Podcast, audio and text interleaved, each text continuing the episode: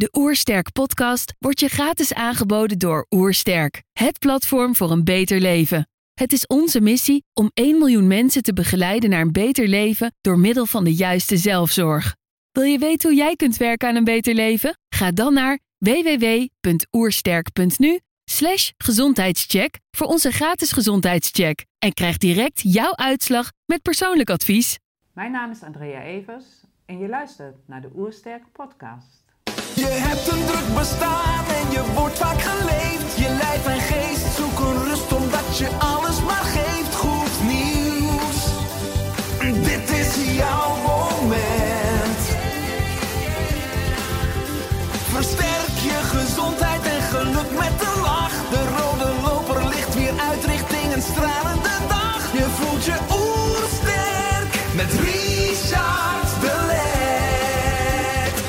zijn hier in Heemskerk voor een podcast met Andrea Evers. Andrea is hoogleraar gezondheidspsychologie aan de Universiteit Leiden. Ook is ze expert op het gebied van het placebo- en nocebo-effect en de rol van psychologische factoren bij gezondheid en ziekte. Ik ben benieuwd naar haar tips voor een beter leven. Trouwens, geniet je van onze podcast? Abonneer je dan en laat een reactie of review achter. Zo help je ons om het gezondheidsvirus te verspreiden. Let's start! De Oersterk Podcast. Een ontdekkingstocht naar een beter leven. Andrea, welkom. Ik lees op je website Empowering Humans in Health and Disease. Kun je deze missie toelichten? Jazeker. Um, ik ben altijd geïnteresseerd geweest in wat je zelf kunt doen aan je gezondheid. En natuurlijk ook het voorkomen van ziekte of als je ziektes hebt, om daar zo goed mogelijk mee om te gaan. En ik vind het echt mijn persoonlijke missie om mensen daarin optimaal te ondersteunen. En daar alles aan te doen, hoe we daar wetenschappelijk achter kunnen komen, wat we zelf daarin kunnen gebruiken, welke mogelijkheden niet we allemaal hebben om bijvoorbeeld ons lichaam, ons immuunsysteem te boosten en uh, zo gezond mogelijk te zijn. Ja, boeiend. Uh, nou, ik kan enorm veel uh, over, je, over je zeggen. Hè. Dat blijkt ook uit je cv. Ik las dat psychologische processen, hè, waaronder stress, beïnvloeden de kwaliteit van leven, maar ook het effect van medische behandelingen bij ziekte. Nou, jullie groep bestudeert de psychoneurobiologische mechanismen die onder gezondheid en chronische aandoeningen liggen. En wat zijn de belangrijkste inzichten tot nu toe? Nou, de rol van stress is natuurlijk al heel lang onderzocht. Hè, in hoeverre dat invloed kan hebben op ons bijvoorbeeld immuunsysteem en alle andere fysiologische systemen. En daar zijn we eigenlijk steeds meer achter gekomen hoe belangrijk die rol is. Enerzijds moet je het echter ook weer niet overschatten, omdat soms denken mensen wel dat elke vorm van kleine stresssituaties wel invloed kan hebben op dat lichaam. Dat is vast zo, maar daar spelen ook zoveel andere factoren een rol dat dat meestal niet zo belangrijk is.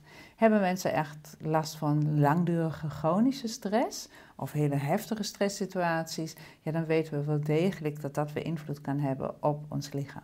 Ja, en wat voor chronische stressoren moet ik dan aan denken? Is dat van slaaptekort tot psycho-emotionele stress, tot verkeerde voeding? Uh, st chronische stress kan eigenlijk op allerlei niveaus zijn. Het kan zowel emotioneel zijn, hè, dat je bijvoorbeeld uh, continu uh, gedoe hebt met je partner of je kinderen en daar veel stress ervaart, of op je werk. Het kan natuurlijk ook fysieke stress zijn. Hè. Een chronische ziekte op zichzelf heeft ook bijvoorbeeld veel invloed op het lichaam, waardoor je immuunsysteem verzwakt is. En kun je eigenlijk ook als een chronische stress wel zien. Ook hè, dat je daarmee om moet gaan. Dat kan een heel palet van factoren zijn.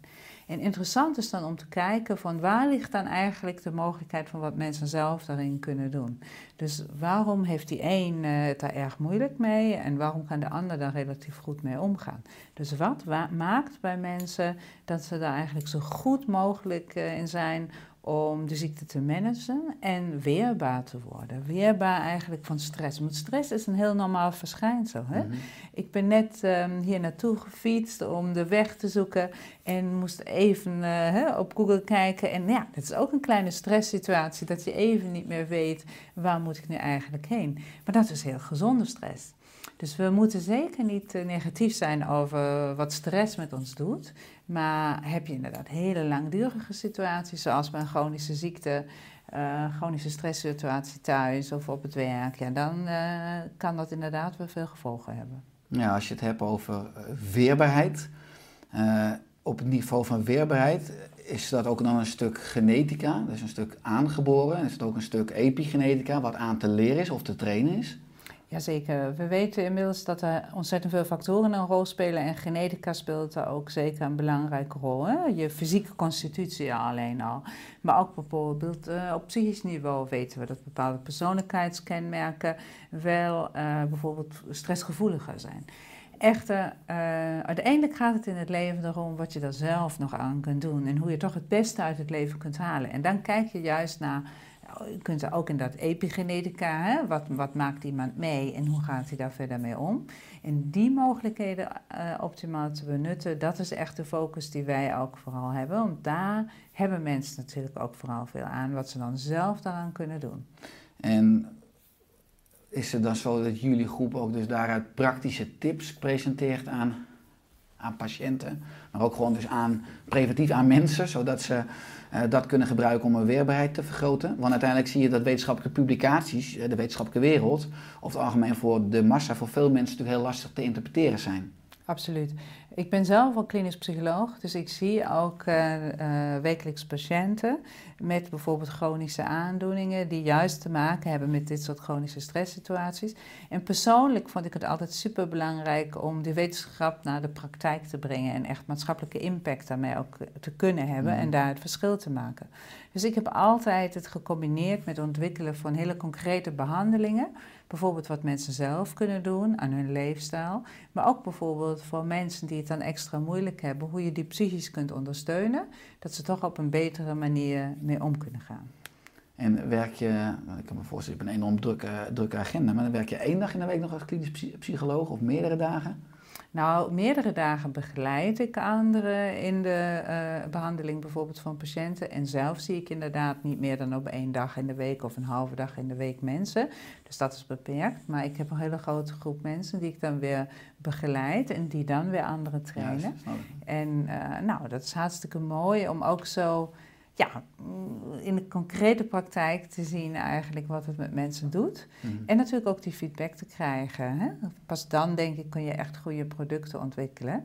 Als je enerzijds echt dat fundamentele onderzoek ook meeneemt en die kennis eruit, maar dat toch echt stapsgewijs meer naar de praktijk brengt. En ook die feedback van mensen krijgt, wat ze daarvan vinden. Dus dat is natuurlijk super belangrijk. Ja, als je dan kijkt naar je spreekkamer.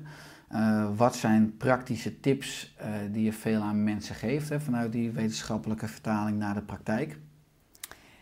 Um, ja, je zou eigenlijk kunnen zeggen dat wat we het beste weten is eigenlijk dat je maar beter de hele negatieve stress en de, de dingen die echt heel traumatisch voor je zijn of die op de een manier echt chronisch aan je knagen, dat je die maar beter kunt vermijden. En dat kan bijvoorbeeld ook zijn dat mensen zich bijvoorbeeld continu druk maken over dingen. Piekeren. Eh, piekeren. Dat is eigenlijk misschien nog wel onze grootste stressfactor in de westerse maatschappij. Je ziet dat komt enorm veel voor op grond van allerlei redenen. Mensen hebben echt moeilijke omstandigheden, maar daarnaast vaak ook een beetje de neiging om zich heel erg druk te maken. Terwijl dat juist iets is wat bijvoorbeeld invloed heeft op slaap, op je hele fysiologie, op je hartslag, op je bloeddruk enzovoort.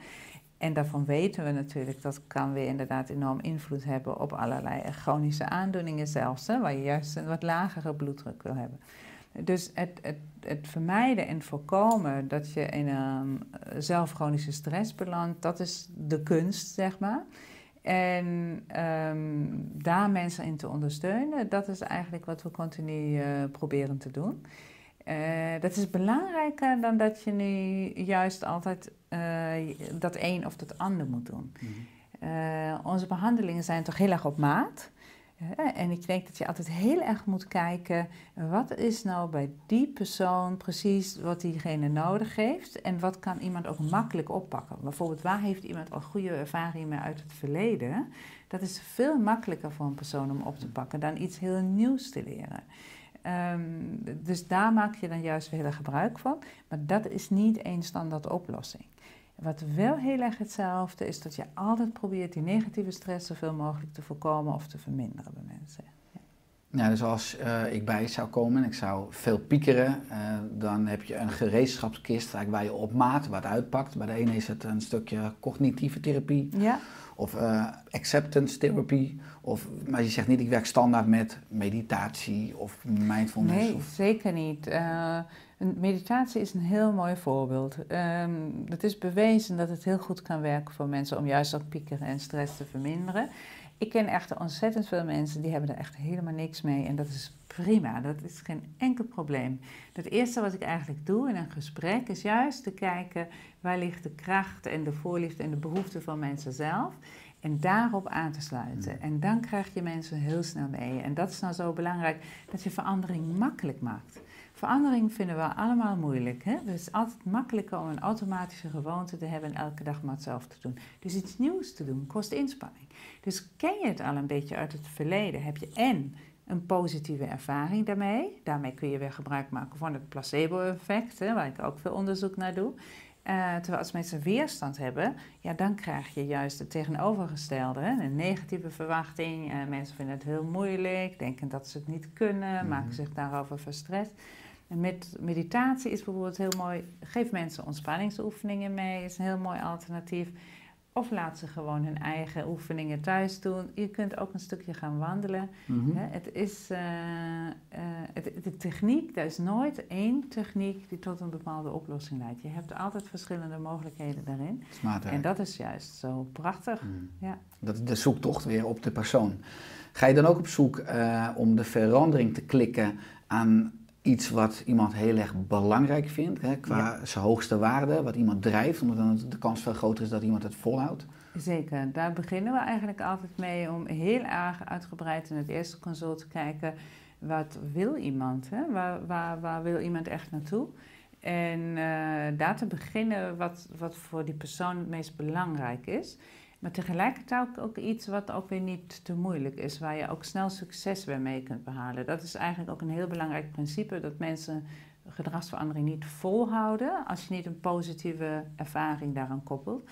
En positieve ervaring is toch succes vaak. Ehm, eh, dus eh, zeg maar ook laaghangend fruit. Hè? En, eh, en ook iets juist waar mensen juist op dat moment veel last van hebben.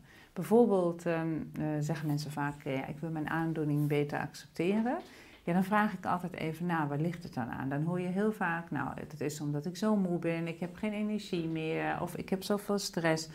En dan leg ik altijd uit, ja, dan is het handiger om aan die stress en aan die vermoeidheid eh, te werken. Dan los je eerst maar het grootste probleem voor die mensen een stukje op.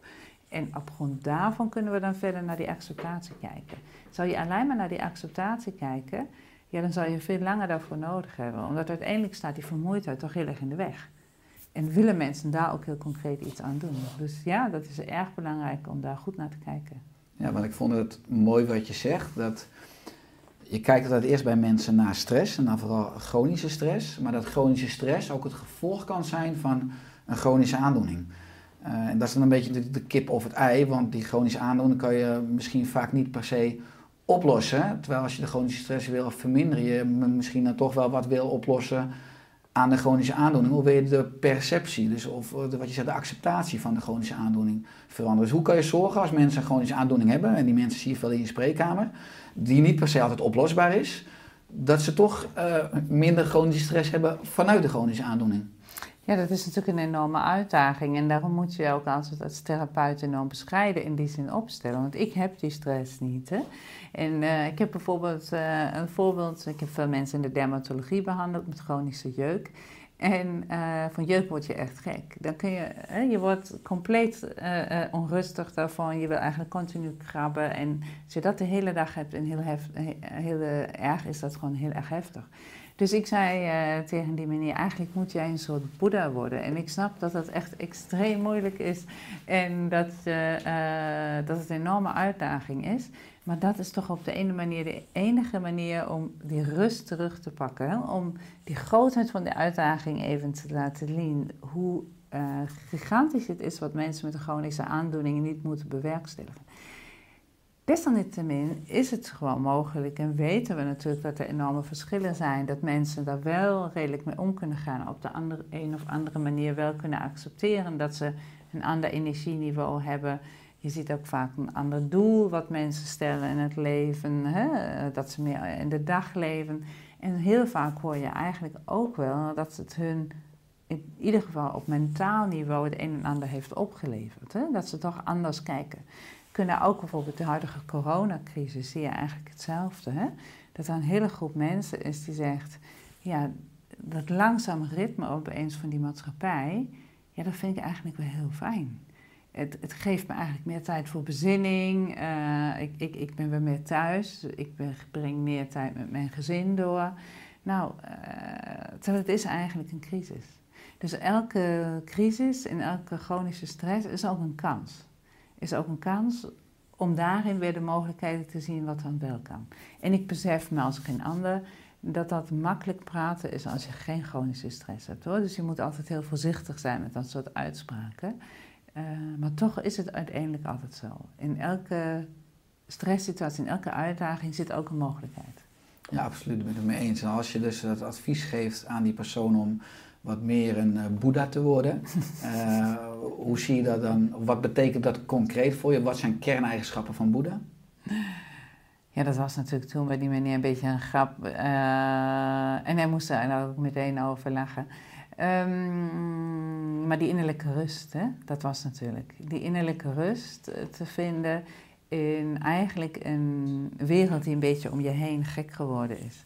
En in het klein heb je dat met de chronische aandoeningen. In het groot hebben we dat ook een beetje met corona. Of heb je dat misschien met een moeilijke gezinssituatie of op het werk. Hè? Dus iedereen heeft af en toe of vaker situaties waar je denkt, ja, hier word ik echt letterlijk een beetje gek van. Mhm. Eh, je niet gek laten maken, dat is toch de kunst inderdaad. In deze maatschappij, in het leven. En denk ik, en hoe moeilijker de omstandigheden, hoe meer je erin weer uitgedaagd wordt. Dus hoe groter de kans ook dat je iets heel waardevols kunt leren daarin. Ja, ja want het is fascinerend als je kijkt nu naar de huidige crisis hè, met het virus. Dat je zou kunnen zeggen dat misschien mensen ook meer lijden onder de collectieve angst of door de angst dan door het virus zelf. Het heeft natuurlijk te maken met interpersoonlijke factoren, dus ook je omgeving die je eh, bemoedigt of steunt of denkt in kansen en mogelijkheden, ook, ook intrapersoonlijk, dus je eigen conditionering en uh, je ook misschien je eigen genetica, uh, hoe je opgegroeid bent. zie je dat nu ook al terug in de spreekkamer, dat mensen toch ook wel ja, eigenlijk lijden met een lange ei onder die angst? Van het um, in de spreekkamer zien we het op zich nog niet uh, zoveel terug, omdat daar speelt ook van allerlei andere factoren bij mensen. Wel bij bepaalde groepen die bijvoorbeeld nu onvoldoende zorg krijgen. Daar zien we dat zeker terug, die bijvoorbeeld niet in het ziekenhuis durven te komen. Hè. Bijvoorbeeld hartpatiënten. Wij doen veel onderzoek bij leefstijl- en hartpatiënten. Ja, daar is die hele hartrevalidatie is stilgelegd. En blijven allemaal thuis nu? Uh, ja, en wij zijn bijvoorbeeld nu aan het ontwikkelen ook van een telerevalidatie. Dus dat mensen dat thuis kunnen volgen onder begeleiding. Dat we mensen toch steunen. Maar wat ook heel erg belangrijk is, is natuurlijk inderdaad ook die uh, crisiscommunicatie. Hè? Er wordt al crisis, is de vraag of dat eigenlijk zo'n goed woord is voor deze situatie waar we ons in bevinden. Omdat uiteindelijk heb je toch een beetje die uh, self-fulfilling prophecy. Hè? Als je maar 10.000 keer op een dag zegt dat er crisis is, ja, dan uh, is het wel een hele kunst om je dan nog goed te blijven voelen. Dus zeker die continue aandacht op um, uh, ja, die, die negatieve gevolgen. Bijvoorbeeld de statistieken die elke dag op het journaal worden getoond. Hè. Uh, heel erg medisch ook wat alleen maar op overleven gaat. Hè, waarom laten we niet veel meer eigenlijk al die andere consequenties zien die ook uh, deze situatie met zich meebrengt? Hè? Op het psychosociale welbevinden van mensen, de sociale consequenties, maar ook de goede acties die daaruit voortkomen. Dus um, het is wat ik noem een nocebo-effect van de media. Dus dat je een negatieve verwachting krijgt. En uh, dat heel erg sterk versterkt wordt, zeker als het zo langdurig is als op dit moment. Dat is zeker een groot gevaar in deze situatie. Ja. dat ken ik helemaal. Ik kijk trouwens nooit naar journaal, want ik zie het ook als een gifstof als je het hebt over het nocebo-effect. Het is interessant trouwens, in China heb je een, een, een crisisteken in het Chinees. En dat betekent ook letterlijk probleem enerzijds, maar aan de andere kant uh, betekent het ook uh, een kans. Nou, mooi. Dus in China is dat teken al veel de mensen ook het kunnen zien als kans. Want uit chaos ontstaat natuurlijk altijd nieuwe orde. In, eh, in 2019 kreeg je een hoge wetenschappelijke onderscheiding, de Steven-premie, voor je baanbrekende onderzoek naar het placebo-effect. Eh, wat heb je toen ontdekt, of in de jaren ontdekt? Ehm, ja, het placebo-effect heeft me altijd al enorm gefascineerd, omdat het eigenlijk een heel mooi mechanisme is hoe je kunt verklaren hoe lichaam en geest elkaar beïnvloeden. En het is iets wat gewoon ontzettend veel voorkomt, hè? dat iemand verwacht iets positiefs van een behandeling en daar eh, eh, heb je ook meteen een positief effect van. En dat dit effect dan niet alleen maar op je geestelijk welzijn is, maar ook op je lichaam, ja, dat heeft me echt mateloos gefascineerd en nog steeds. Um, wij hebben daarin inderdaad aangetoond dat dat, hoe dat werkt gedeeltelijk. Uh, en ook bij verschillende vormen, aangetoond bijvoorbeeld symptomen van jeuk hebben we laten zien dat die beïnvloedbaar daarvan zijn. Maar ook bijvoorbeeld dat je het lichaam kunt conditioneren. Hè? Dat je eigenlijk het immuunsysteem of ons endocrine systeem, die hormonen, daarmee ook een stukje kunt beïnvloeden. Nou, dat laatste onderzoek staat nog iets meer in de kinderschoenen. Dat is nog niet zo in de praktijk toepasbaar. Maar dat is wel natuurlijk super spannend om te ontrafelen hoe ehm, we geconditioneerd kunnen worden door onze omgeving en ons lichaam daarin ook automatisch reageert.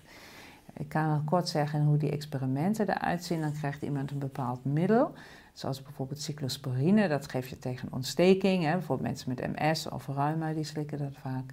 En dat combineer je dan met het heel onderscheidends.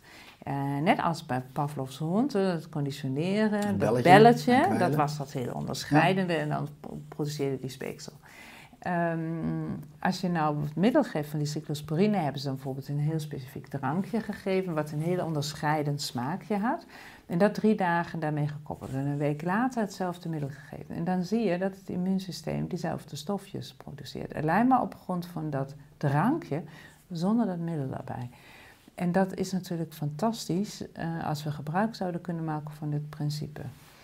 Uit de praktijk even een voorbeeld. Uh, bij kinderen bijvoorbeeld met kinderruime, juveniele artritis, zien dokters heel vaak het tegenovergestelde. Dat ze heel erg misselijk worden van een bepaald medicijn, metrotrexaat, dat moeten ze vaak geven. En dat kinderen dan één dag voordat ze dat middel krijgen, al misselijk worden als ze het vaker hebben ingenomen. Terwijl dat kan natuurlijk helemaal niet. Dan zie je heel mooi dat fysiologische effect van hè, uh, die conditionering, die optreedt al voordat ze het middel innemen.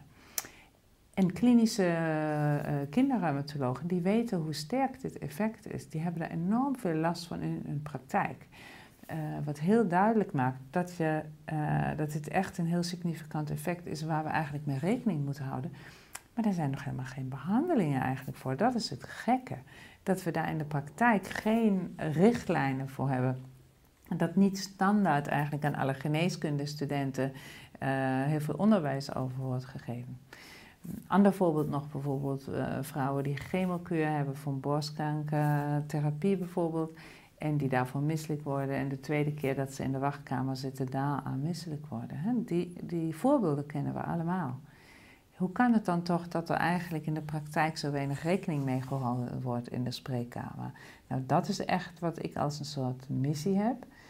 En ik denk dat de reden waarom ik deze prijs ervoor heb gekregen is vooral uh, dat wij zowel dat fundamentele onderzoek doen, zoals het immuunsysteem beïnvloeden, maar dan ook bijvoorbeeld bezig zijn om richtlijnen te ontwikkelen voor de praktijk. Dus echt die hele spanbreedte van dat onderzoek probeert te omvatten. Ja, je echt bruggen aan het bouwen bent om ja. ook echt concreet in de praktijk te brengen. Want ik vind het natuurlijk magisch als je zegt dat als je bij volwassenen een medicijn hebt wat je in een, in, in een uh, typisch drankje doet met een typische smaak en dat je later gewoon het medicijn niet nodig hebt en dat je met het drankje hetzelfde effect krijgt. Bij kinderen zeg je eigenlijk de andere kant. Als kinderen dus eigenlijk een negatieve verwachting hebben en waar ik waar het continu over heb, is eigenlijk de koppeling van psychologie. Uh, dus van je denken of je verwachtingen met je fysiologie, met je stofwisseling, dat is, dat is natuurlijk één, en dat blijkt uit deze experimenten. Uh, en als je dat dus vertaalt naar de praktijk, dan zou mijn vraag zijn: hoe kunnen we dan dus de kracht of het verwachtingseffect, dus maar de kracht van onze geest, beter inzetten? Ja, dat is de grote vraag natuurlijk. Hè? Overigens nog heel erg. kort terugkomt. Bij de kinderen werkt dat niet anders. En bij de kinderen was het alleen maar een voorbeeld. En dat effect kan dus twee kanten Mm. opgaan. Het kan positief werken en het kan negatief werken. En misschien is dat negatieve effect van die bijwerking ja, op dit moment nog wel klinisch relevant om dat te voorkomen. Want die mensen krijgen nog een goede behandeling als ze middelen niet nemen. Ja, want ik zag ook bij een lezing van je, zag ik de vraag, dus uiteindelijk is hij dan heel erg zwart-wit. Kunnen we ons gezond of ziek denken? Maar dat is dan iets te radicaal natuurlijk gesteld als je de, de extreme hebt over de effecten. waar- Jazeker. Kijk, ehm, eh, heel erg belangrijk om te benadrukken dat die effecten die we in het laboratorium vinden daarop, die zijn heel klein. En die zijn op dit moment nog niet klinisch relevant. Hè? Dus we kunnen daarvoor niet zeggen, ja, doe dat zomaar in de praktijk en dan kan ik mijn medicijnen verminderen. Absoluut niet. Doe dat alsjeblieft niet. Ehm, eh, op dit moment is dat soort onderzoek echt nog in de onderzoeksfase. Maar we kijken natuurlijk naar mogelijkheden om dat naar behandelingen te vertalen.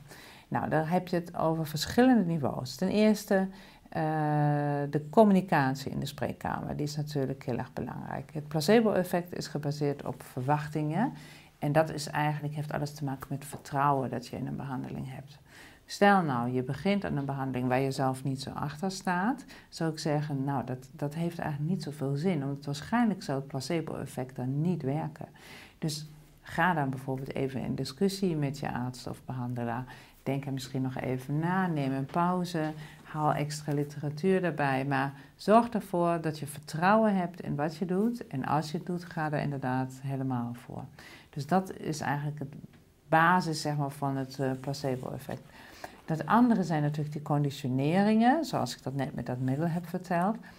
Um, daar zijn we ook heel erg verschillende onderzoeken aan het doen. Hoe zou je nou inderdaad dat in een behandeling kunnen omzetten? Eén uh, onderzoek wat bijvoorbeeld op dit moment bezig is, is te kijken of we bij chronische pijnpatiënten bijvoorbeeld hun pijn in het laboratorium kunnen deconditioneren. Hè? Dus die hebben misschien eerst ooit de ervaring gehad dat die pijn steeds meer erger wordt. En we proberen hun in het laboratorium die ervaring te laten geven dat die pijn juist kan verminderen. En dat ook weer mee naar huis te nemen door zeg maar een bepaalde foto of een apparaatje wat ze dan door ons krijgen, ook weer mee naar huis kunnen nemen. Maar ze moeten dus ook eerst gaan geloven. Ze moeten de optie al gaan overwegen. De deur moet dus al op een kier worden gezet. Zeker, maar anderzijds is het effect natuurlijk ook onbewust, hè? kan automatisch doen. Dus die koppeling kan eigenlijk vanzelf plaatsvinden. Dus het, is, het helpt enorm als je zelf erin gelooft en daarachter staat. Want dan is eigenlijk alle bewuste processen die daarin een rol spelen. Maar uiteindelijk is die onbewuste verwachting veel belangrijker. Een onbewuste verwachting is iets van conditionering uit het verleden. Eigenlijk kun je zeggen ervaring uit het verleden.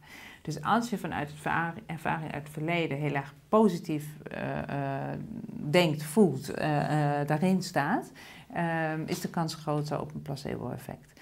Als je bijvoorbeeld eigenlijk heel erg kritisch bent tegenover een behandeling, maar ja, je denkt, nou, schaadt het niet, baat het niet en ik ga er nu maar lekker in mee, zal het waarschijnlijk minder goed werken. Omdat al die onbewuste processen zijn natuurlijk minstens zo belangrijk. Dus dat moet je nooit onderschatten. Daarom zeg ik altijd bijvoorbeeld zo'n cd'tje met uh, positieve imaginatie, imaginatie bijvoorbeeld. Ja, dat werkt natuurlijk niet zomaar. Als je oude conditioneringen en oude ervaringen en verwachtingen daar haaks op staan, ja, dan is dat een druppeltje. Hè? Dus, Dan ga je gas geven met een handrem erop. Dus, ja. Nou, zo zou je het eigenlijk kunnen zeggen. En uh, misschien past het ook helemaal niet bij die persoon. Hè? We begonnen daar met dat mindfulness. Waarom moet je dan die CD of dat mindfulness oefening? Nee, uiteindelijk gaat het erom je verwachtingen om te vormen. En dat is voor iedereen heel persoonlijk, omdat jouw levensverhaal is heel persoonlijk, jouw ervaringen zijn heel persoonlijk. En waar jij juist uh, die boost van krijgt, dat kan heel verschillend zijn. Ik zal een voorbeeld geven. Ik heb ooit een vrouw behandeld. Die kreeg altijd hoofdpijn uh, van een, elk bezoek bij de arts. En we hebben dat even uh, samen onderzocht. Nou, dan bleek dat ze als kind bijvoorbeeld hele traumatische ervaringen had meegemaakt in het ziekenhuis. En uh, nou, toen we daarachter kwamen, verdwenen die hoofdpijnklachten. Nou, dat is natuurlijk een hele bijzondere casus. Door het inzicht al. Uh, ja, en door, door het ook om haar natuurlijk van alles mee te geven hoe ze dan wel daarmee om kon gaan. Um, maar uh, een heel mooi voorbeeld wel hoe onze oude ervaringen wel ons, onze basale patronen van verwachting kunnen beïnvloeden en zelfs inderdaad een invloed op ons lichaam inderdaad kunnen hebben. Zonder dat we er altijd bewust van zijn. Ja, maar dus heel veel mensen onbewust hun verleden ook eh, op de toekomst projecteren. Ook vanuit hoe we geconditioneerd zijn. Ja, maar dat doen we allemaal. Kijk, dat, ehm, als kind probeer je het leven voorspelbaar te maken. Je leert eigenlijk door voorspellingen. Dat is ook de nieuwste brain-inzichten. Zeggen eigenlijk, ehm, eh, wat we hebben is eigenlijk steeds meer onze alle hersens eh, aan elkaar koppelen. Alleen heeft iedereen andere koppelingen. Eh, nieuwe dingen kosten dan heel veel effort, heel veel energie, dus die willen we zoveel mogelijk vermijden. Dus iedereen gaat eigenlijk in zijn eigen paadjes die hij al heel goed kent. Dat betekent automatisch dat al je eerdere ervaringen extreem veel invloed hebben hoe jij naar de wereld kijkt, hè? eh, welke dingen jij wel ziet, oppakt, niet doet, maar ook welke verwachtingen je hebt. Ehm, die om te vormen kost energie en willen we liever niet, hè? dat is eigenlijk die gedragsverandering. Dus het is alles bepalend wat je eerder hebt meegemaakt, hoe jij nu naar de wereld kijkt. Maar het geeft je ook weer alle mogelijkheden die je weer kunt inzetten om te veranderen. Dus altijd als je iets hebt ervaren wat in het verleden goed heeft gewerkt, eh, moet je vooral weer inzetten ook in de toekomst. Omdat dat is juist iets wat je makkelijk toe kunt passen. Ja, kun je die onbewuste programmering van mensen ook waarnemen of aantonen op hersenscans? Je kan, je kan natuurlijk gewoon praten over neurobiochemie, over neurostructuur. Wat je mogelijk dus op Ja, eh, op bepaalde niveaus zeker. gebieden die oplichten. Eh, zeker. Bijvoorbeeld zie je als mensen heel erg emotioneel reageren op prikkels. Hè? Dat is bijvoorbeeld iets wat vrij makkelijk inderdaad te identificeren is. En dat is denk ik een van de eh, belangrijkste triggers, ook voor jezelf eigenlijk, om op te merken dat er iets is wat, wat misschien goed is om nog even extra naar te kijken. Dus ook waar we in de spreekkamer naar kijken, hè? als iemand erg geëmotioneerd raakt over iets, is het een teken dat dat eh, iets belangrijks is waar je misschien nog, eh, eh, ja, waar je misschien last van hebt. Ehm, eh, je kunt ook onbewust allerlei eh, prikkels toedienen en hoe mensen daarin te reageren. Maar ehm, het is niet dat je bijvoorbeeld het in de praktijk kunt gebruiken eh, als een voorspeller hoe iemand dan in de toekomst reageert. Want iedereen heeft natuurlijk heel veel mogelijkheden op elk moment om ook zich verschillend te gedragen. Dus we kunnen het in de klinische praktijk zeg maar niet gebruiken, maar voor onderzoek is het wel heel erg interessant. Ja. Is het een droom van jou dat we straks in de ziekenhuizen dus minder medicijnen no- nodig hebben als we deze technieken, zeg maar, dus maatschappijbreed, maar ook geneeskundebreed en psychologiebreed gaan integreren? Ehm, ja, dat denken mensen altijd. Ehm, eh, uiteindelijk eh, vind ik ook medicijnen op zichzelf wel fantastisch en moeten we daar heel blij zijn dat we die hebben. Hè. Ik zou zeker niet een wereld zonder medicijnen willen. Ehm, alleen op dit moment hebben we natuurlijk wel een hele eenzijdige focus in onze gezondheidszorg op medicijnen. En dat is wat ik wel heel graag zou willen veranderen. Dat we op dit moment heel vaak een pilletje voorschrijven, terwijl mensen veel meer zelf zouden kunnen doen. En dan heb je het echt op alle niveaus. Ehm, hè, dat is eh, van depressie, hè, eh, waar de massaal door de huisartsen wordt voorgeschreven, terwijl het zoveel nuttiger is om even naar de oorzaak te kijken en het probleem op te lossen. Ik zeg altijd tegen mijn mensen, ik leer je leren, dus dat je dat zelf leert. Dus ik wil me heel snel zelf overbodig maken en dat je zelf eigenlijk heel zelfredzaam wordt. Ja, met dat pilletje kun je natuurlijk nooit zelfredzaam worden. Ehm, ondanks dat zo'n pilletje voor bijvoorbeeld zwaar depressief en zo fantastisch is dat het er is. Dus eh, nogmaals, eh, ik, ik, ik ben heel erg voor als het echt van toegevoegde waarde is en noodzakelijk is. Alleen op dat moment dat het kan zonder. Eh, Hetzelfde zie je natuurlijk op leefstijlgebied. Het is eh, voor aandoeningen, hartaandoeningen, diabetes enzovoort, eh, bloeddruk, eh, verlagende middelen. Eh, we kunnen zoveel met een gezonde leefstijl, waar we nu toch nog vaak medicijnen voor inzetten. En mensen worden toch onvoldoende eh, gestimuleerd, ook in ons zorgsysteem. Ons zorgsysteem is eigenlijk ingericht om ziekten te behandelen, maar niet ziektes te voorkomen. En die hele financiering is daarop gebaseerd. Maar om ziektes te genezen, dit is natuurlijk de geneeskundeopleiding. Het probleem is echter dat we nu met heel veel chronische ziektes te maken hebben die niet meer te genezen zijn. Dus dat geneesidee was inderdaad 200 jaar geleden echt fantastisch en is ook enorme vooruitgang geboekt. Maar dat is zo succesvol geweest dat we steeds ouder worden en steeds meer chronische aandoeningen krijgen. Dus nu moet er echt een andere kijk komen op het voorkomen juist van dit soort chronische aandoeningen, of in ieder geval zo gezond mogelijk blijven. En daar is de rol van wat mensen zelf kunnen doen gewoon cruciaal. Mhm. En je ziet daar ook dat er steeds meer vraag naar is in geneeskunde. En je ziet op dit moment een enorme ontwikkeling, ook met corona nu weer wat meer aandacht. Maar als je het vergelijkt in percentages, is het nog steeds minimaal in wat er aan medicijnen of andere Hmm. eh, invasieve ingrepen wordt uitgegeven. Ja. Ja, maar ik vind het puur prikkelend vanuit de gedachte. Natuurlijk is het fijn dat we nu steeds meer leefstijl als medicijn hebben, ook noodzakelijk. Eh, toch als je het als medicijn toepast, ben je al te laat. Er zijn mensen vaak hun gezondheid al verloren. Aan de andere kant hebben we inderdaad onze geest en het placebo-effect. Je noemde het voorbeeld van de ontstekingsremmer in dat drankje. En op een gegeven moment konden mensen dat drankje nemen zonder de ontstekingsremmer. Maar ook puur als ik een brede trek zie dat de farmaceutische industrie toch een grote economische motor is in de geneeskunde. En is er dan ook niet een financieel spanningsveld in theorie als je de kracht van het placebo-effect, als we dat veel meer zouden integreren, we veel minder afhankelijk eh, worden van medicijnen, dan is de hele economische structuur van de hele gezondheidszorg verandert daarmee ook. Zeker. Ehm, wat ik bijvoorbeeld heel erg jammer vind, dat er niet veel meer farmaceuten zijn die eigenlijk eh, juist eh, met ons op grote schaal zouden willen samenwerken om door middel wat, wat we weten van het placebo-effect, de effectiviteit daarvan te versterken. Ehm, eh, dat er niet heel actief naar gezocht wordt, ook voor zorgverzekeraars, om daarmee eigenlijk die kosten te verminderen. Ja, dat vind ik vaak heel erg schrijnend. Mhm.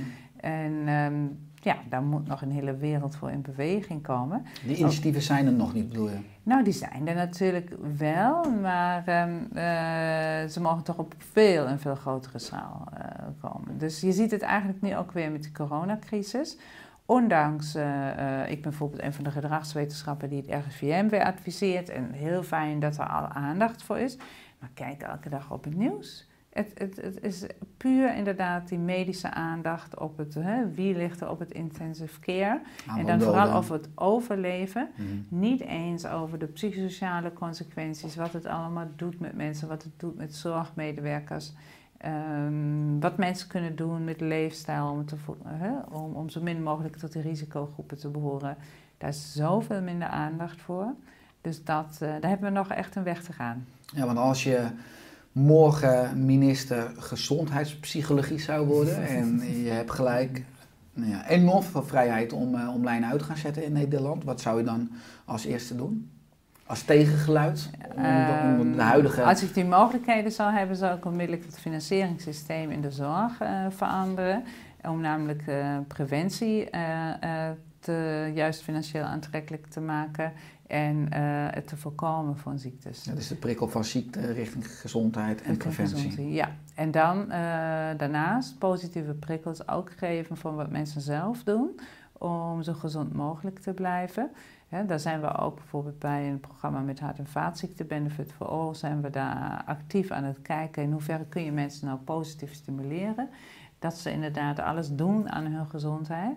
En we weten gewoon, lange termijn vera- gedragsverandering krijg je dan voor elkaar als mensen positief gestimuleerd worden negatief straffen met het opgegeven vingertje, dat werkt eigenlijk heel even heel goed, maar niet op lange termijn. Dus de hele aandacht naar een positieve eh, versterking van het goede gedrag, ja, dat zou ik wel heel erg. eh, en ook bij dokters en zorgprofessionals, hè, laat ze er vooral voor zorgen dat die patiënt niet terugkomt. En laat ze daar dan extra geld voor krijgen. In plaats van nu krijgen ze geld dat die patiënt heel vaak terugkomt en hele intensieve, dure behandelingen krijgt. Absoluut, ik ben het helemaal met je eens. Je noemde eerder dus eventueel de negativiteit of het nocebo-effect ook van kijken naar het journaal. Met vooral de focus op, op gevaar, op doden, op IC-bedden.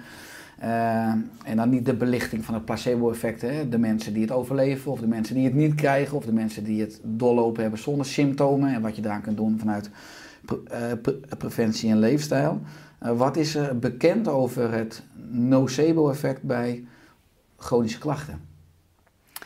Um, nocebo-effect, zoals ik zei, is eigenlijk een negatieve verwachting. Hè? En, eh, Toch hoor je ook vaak dat mensen zeggen, placebo, ik zal behagen en nocebo, ik zal schaden. Maar dat is misschien niet helemaal de Ja, dat is een beetje die vertaling. Maar en dan als, als, als mechanisme van hoe het werkt, is het eigenlijk negatieve verwachting. Hmm. In eh, onderzoek over negatieve verwachtingen hebben we al heel lang gedaan, bijvoorbeeld bij chronische pijn. En dat is bijvoorbeeld dat piekengedrag waar we in het begin zijn be- begonnen. Of eh, wat we noemen catastroferen. Dat mensen eigenlijk altijd maar het ergste verwachten. We weten dat bij chronische pijn dat de belangrijkste psychologische risicofactor is eh, om lange termijn juist geen verbetering van de klachten te krijgen. Dus natuurlijk spelen allerlei factoren een rol, maar van de psychologische factoren is dat echt de meest consistente, belangrijkste factor die heel erg een negatieve voorspelbaarheid heeft zeg voor het eh, toekomstige beloop. Dat is ook waarom ik aan het begin zei, je kunt maar beter die chronische stress voorkomen, eh, omdat daaronder liggen eigenlijk die negatieve verwachtingen. Want je hoeft iemand maar lang genoeg bloot te stellen aan iets wat heel erg is. En ik, ik word er gewoon heel negatief van. Dat is automatisch zo. Dus eh, voorkom vooral natuurlijk de chronische stress. Maar als je die chronische stress hebt, wees ervan bewust dat je met die negatieve verwachtingen, het nocebo-effect, eh, steeds meer te maken krijgt. Kijk bijvoorbeeld dan even niet naar het nieuws als je weet dat je daar last van hebt. Hè. Ik vind het bijvoorbeeld heel interessant en informatief toch nog wel. Maar als je zelf denkt, nou, mij wordt dat echt te veel, doe dat vooral niet. Hè? Eh, zorg dan daarvoor juist dat je eh, dingen doet die weer een positieve prikkel voor jezelf hebben. En waar je juist weer op een positieve manier wat je leuk vindt. En sluit je dan even inderdaad van die informatie af. Dat kan inderdaad eh, heel erg belangrijk zijn. Die mensen van, als mensen daar zo juist heel erg last van hebben. Is het ook een stukje een evolutionaire erfenis, eh, dat het brein eerder op negativiteit afstemt eh, dan op kansen en mogelijkheden, omdat we natuurlijk in de Ja. oeromgeving altijd alert moesten zijn op gevaar. Ja, precies. Eh, dat maakt eigenlijk waarom het nocebo-effect misschien nog wel belangrijker is dan het placebo-effect. Om het snel op te merken, ook bij jezelf. Want het is inderdaad evolutionair gezien, betekent het eigenlijk gevaar. En hè, eh, je weerbaar zijn op gevaar is natuurlijk super belangrijk. Dat is je overlevingsmechanisme. Het dient uiteindelijk dus ook om positief om te overleven. Ja, maar die acute eh, overlevingsstrategie, die hebben we nu eigenlijk nooit meer nodig. Eh, maar wat ik net zei, bijvoorbeeld in een stresssituatie acuut, is dat ook weer heel gezond. En is daar helemaal niks mis mee om even te, schrikken en te denken, gaat dit wel goed? En dan gaat die adrenaline aan en ben je juist meer alert en inderdaad klaar om, om te vechten of wat dan ook. Hè?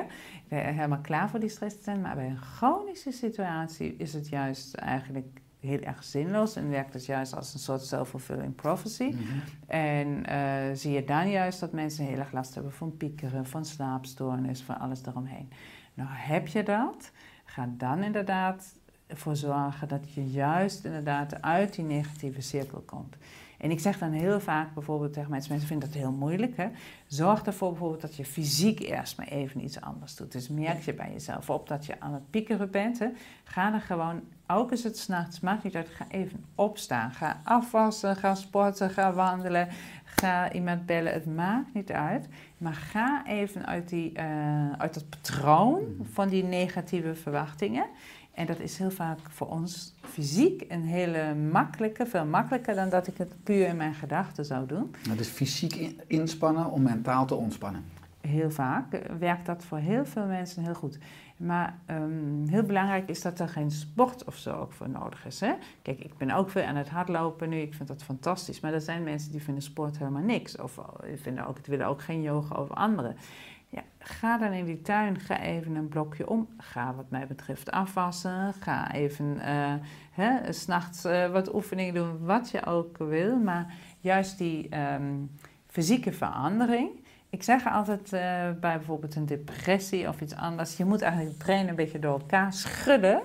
Om weer helder denken te kunnen. En om die opening te zien van, oh ja, er is ook nog een andere wereld. Ik zou ook nog iets heel anders kunnen doen. Uh, dus dat is heel erg interessant hoe dat fysieke en dat mentale daarop heel erg samenwerken. Ja, mooi.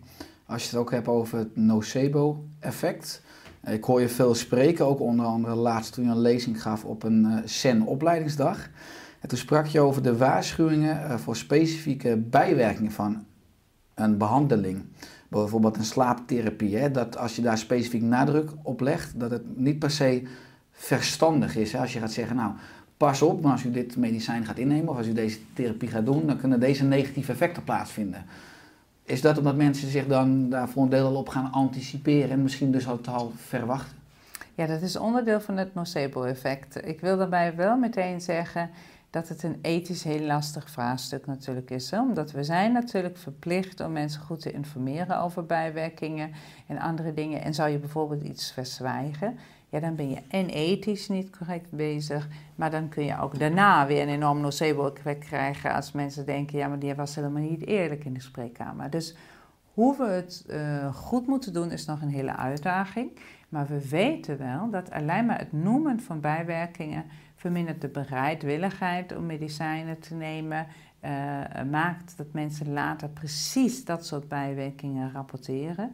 Zo weten we uit heel veel onderzoeken dat mensen uit een controlegroep, nadat ze een bijsluiter gelezen hadden, gewoon geïnformeerd werden, maar eigenlijk dat middel helemaal niet kregen, altijd precies diezelfde bijwerkingen en ook type bijwerkingen rapporteren dan die mensen die dat middel wel hadden. Dat is, als je al die onderzoeken samenvat, die klinische trials noemen we dat, is dat een heel duidelijk gegeven, bijvoorbeeld bij veel pijnonderzoeken, um, wat eigenlijk schrijnend is. Hmm. Je hebt dus eigenlijk puur een keer gehoord dat een middel een bepaalde bijwerking hebt en dat verhoogt meteen de kans dat je die bijwerking ook krijgt. Dus wees selectief inderdaad met dit soort informatie.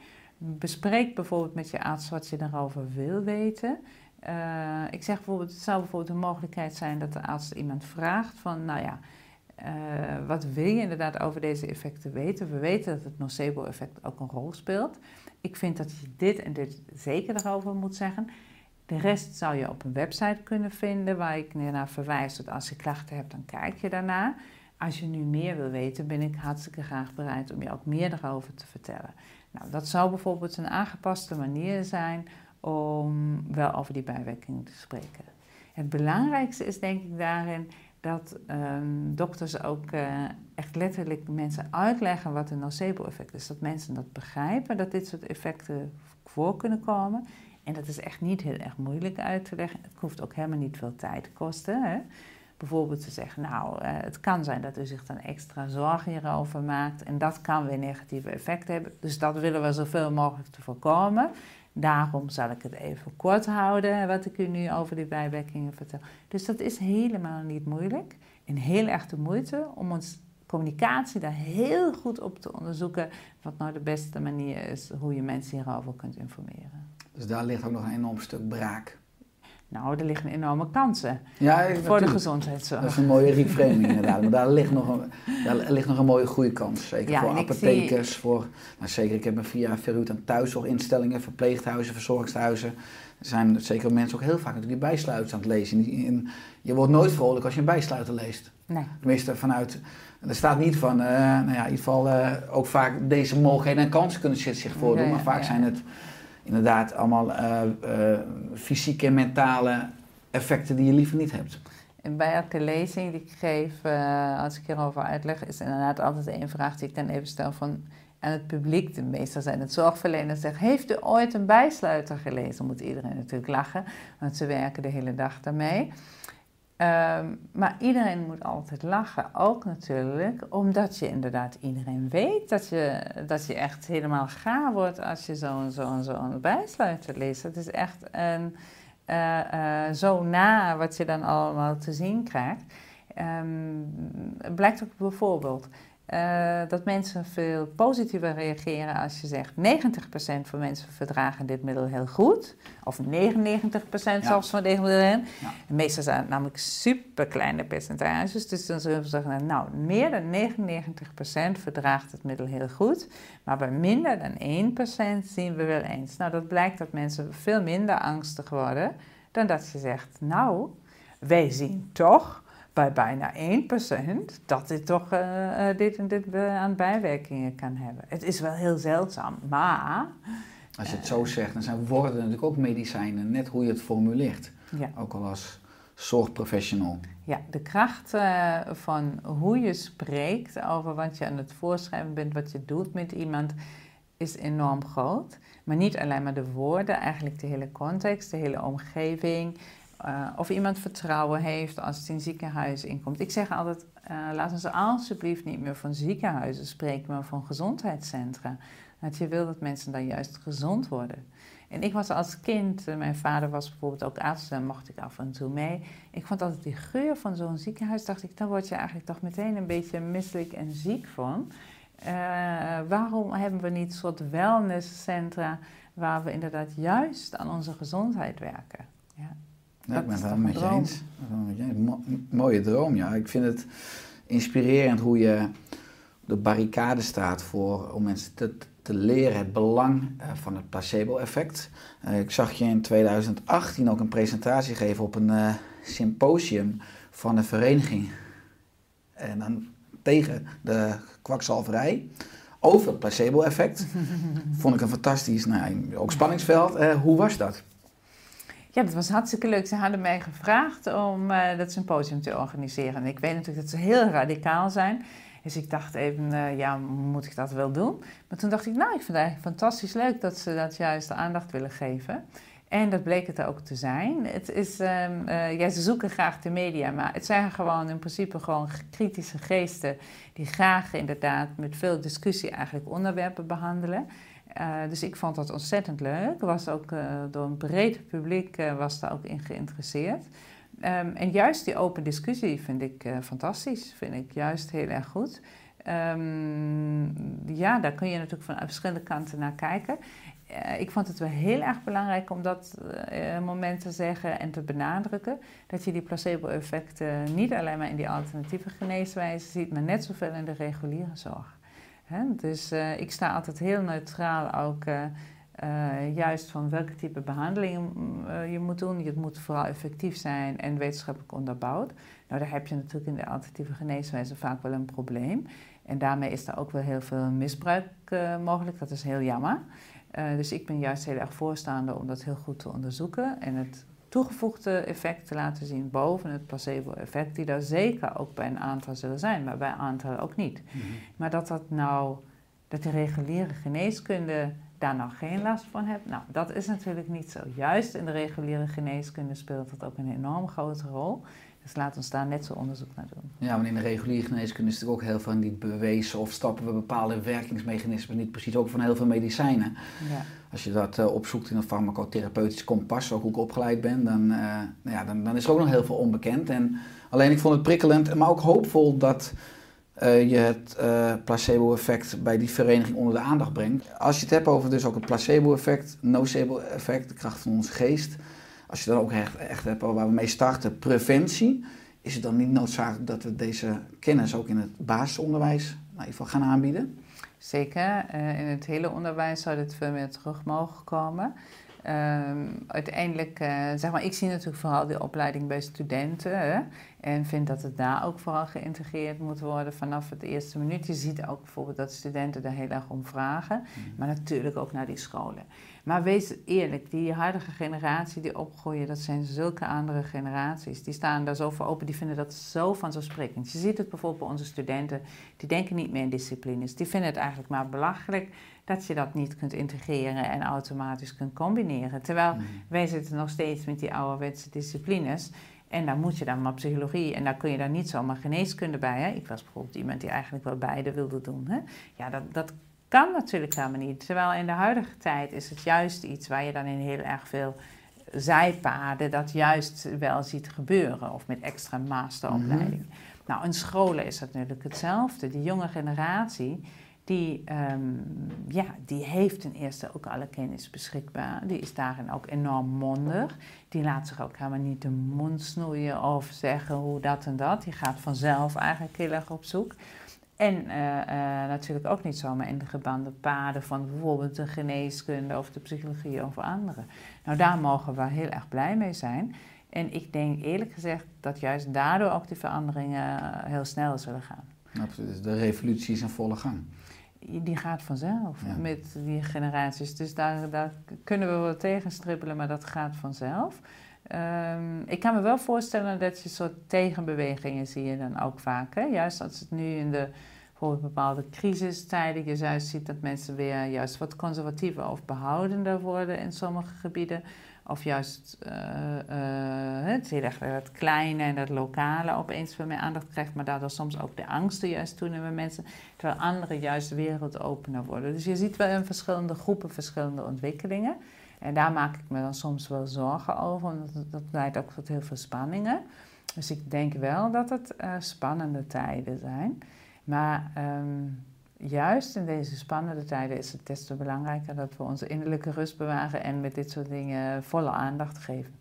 Dus ik denk als je een kind op dit moment niet leert hoe je innerlijk rustig kunt blijven in deze gekmakende wereld, dan uh, mis je een heel centraal onderdeel in het onderwijs. En dat is toch iets wat onze ouders, dat hadden ze toch bijzonder vreemd gevonden als je zoiets op school zou leren. En nu wordt dat al normaal. Maar dat is niet een keuze, dat is gewoon een noodzaak. Ja. Als je het hebt over die innerlijke rust. Uh, je houdt zelf enorm veel ballen hoog, hoogleraar, je stuurt groepen aan. Uh, je presenteert, uh, nou ja, vaak na een volle dag heb je s'avonds nog eens een volle mailbox. Hè. Hoe hou je zelf balans in je leven? Um, ik denk dat ik alles leuk vind wat ik doe. Dat is ontzettend belangrijk. Um, ik moet ook wel altijd uitgedacht worden. Dat is ook wel de reden waarom ik zoveel verschillende dingen doe. Dat ik juist daardoor ook veel energie krijg. Um, maar tegelijkertijd denk ik dat ik ook makkelijk kan ontspannen. Dat is denk ik wel heel erg belangrijk. Dat je niet te lang in je hoofd bezig uh, blijft. En als je doet, dat je dan inderdaad al snel actie op onderneemt. Um, maar heb je wel eens chronische stress? Uh, tuurlijk heb ik ook wel chronische stress, vooral omdat het dan te druk is over andere, andere dingen. En dan probeer ik inderdaad, als ik het heb, om te kijken wat ik daar inderdaad kan doen.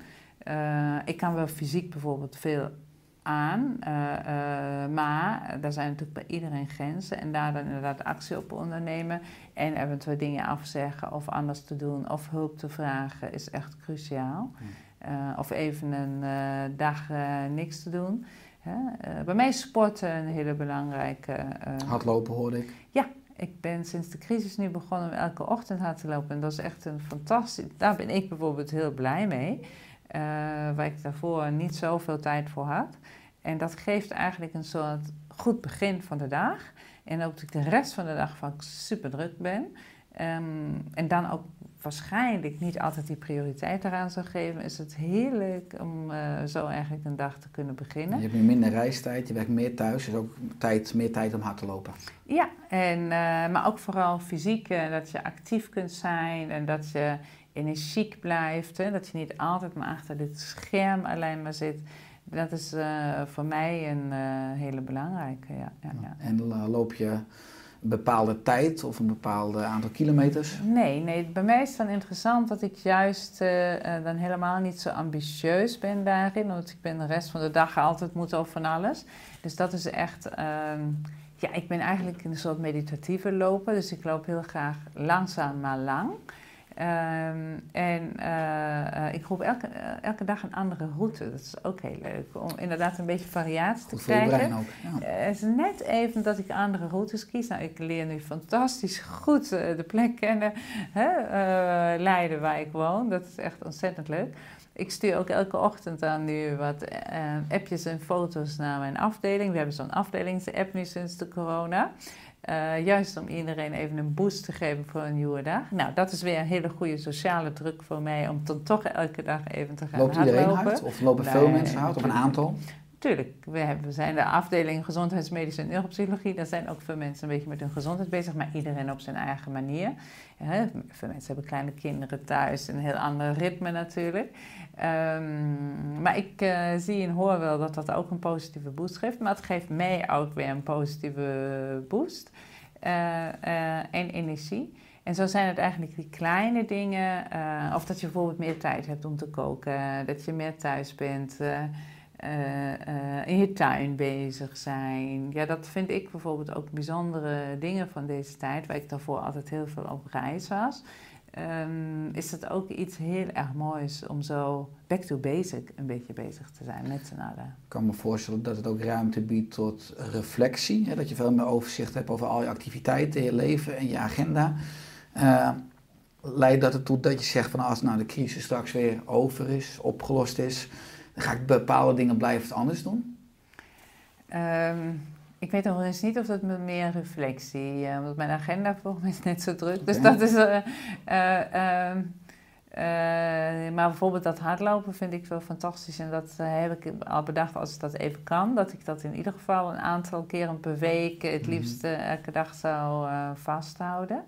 En, nou ja, en ook dat, dat, dat, dat thuis thuis is toch uiteindelijk waar je op terugvalt. Hè? Thuis is toch je basis. En daar met liefde en aandacht mee bezig te zijn, is toch altijd iets heel moois. En dat kan in die tuin, dat kan met je kinderen, dat kan, met, hè, dat kan in je huis knutselen. Het, maakt niet uit. Maar dat is wel eigenlijk iets waar we ons op dit moment allemaal van bewust worden. Hoe groot die waarde is van dat thuis en hoe belangrijk is dat dat rust geeft dat stabiel is, dat het iets is wat je mooi vindt. ik hoorde bijvoorbeeld ook van veel mensen dat ze op dit moment heel erg blij kunnen worden van een mooie tuin. Ja, dat had je altijd al, maar op dit moment heb je dat net iets meer. Dat juist dat kleine, in dat kleine zit ook weer het geluk. En daar het geluk in te vinden, dat is denk ik de kunst. Mooi, ja, absoluut. Wat is je droom of je missie voor aankomende jaren? Voor het aankomende jaar, ik heb geleerd om geen uh, concrete droom eigenlijk met te hebben, maar met te laten leiden. Dat is eigenlijk, sindsdien ik dat heb, zeg maar, heb ik echt een stukje innerlijke rust gevonden. Het vroeger was ik heel erg bezig met, oh ja, dat, dat het doel moeten bereiken. Uiteindelijk heb ik toch een beetje geleerd dat het leven toch zijn loop gaat. En je juist wel heel erg je gevoel moet volgen en daar vol voor moet gaan. Uh, maar dat het arrogant zou zijn om te bedenken dat je zou weten waar het naartoe moet gaan. Zeker met de coronacrisis, denk ik, eh, zijn we nog maar meer geconfronteerd de onvoorspelbaarheid van het leven en weten we dat gewoon niet. Dat het enige is wat ik zelf wil, is dat ik ook volgend jaar wil kunnen zeggen dat ik mijn best heb gedaan om me hier met 150% voor in te zetten. En dat ik hoop uh, nou, dat die stappen die we nu in die richting genomen hebben, dat we daar nog tien stappen mee verder zijn. Ja. Mooi, dus je laat je leiden door het leven. Ja. Ik laat me leiden door het leven en uh, dat heeft mij persoonlijk heel veel innerlijke rust gegeven. Mooi. Waar kunnen mensen meer over jou of over je werk vinden? Nou, op mijn website, uh, andreaevas.nl. Je kunt ook altijd mailen. Ik ben ook op LinkedIn of Twitter of andere. Dus uh, ja, neem vooral contact op als mensen geïnteresseerd zijn. Pas op wat je zegt hoor, daar kijken en luisteren duizenden mensen. Uh, is er aan het einde van de podcast nog iets uh, wat je wilt toevoegen? Nee, we hebben eigenlijk heel veel mooie dingen besproken. Dus ik vond het een mooi gesprek. Ja. Wederzijds. Nou, heel veel dank voor, voor je komst. En uh, ga vooral door ook met je mooie werk over het placebo-effect, het nocebo-effect. Maar vooral laten we nog heel veel mooie bruggen bouwen. Dankjewel. Alle goed.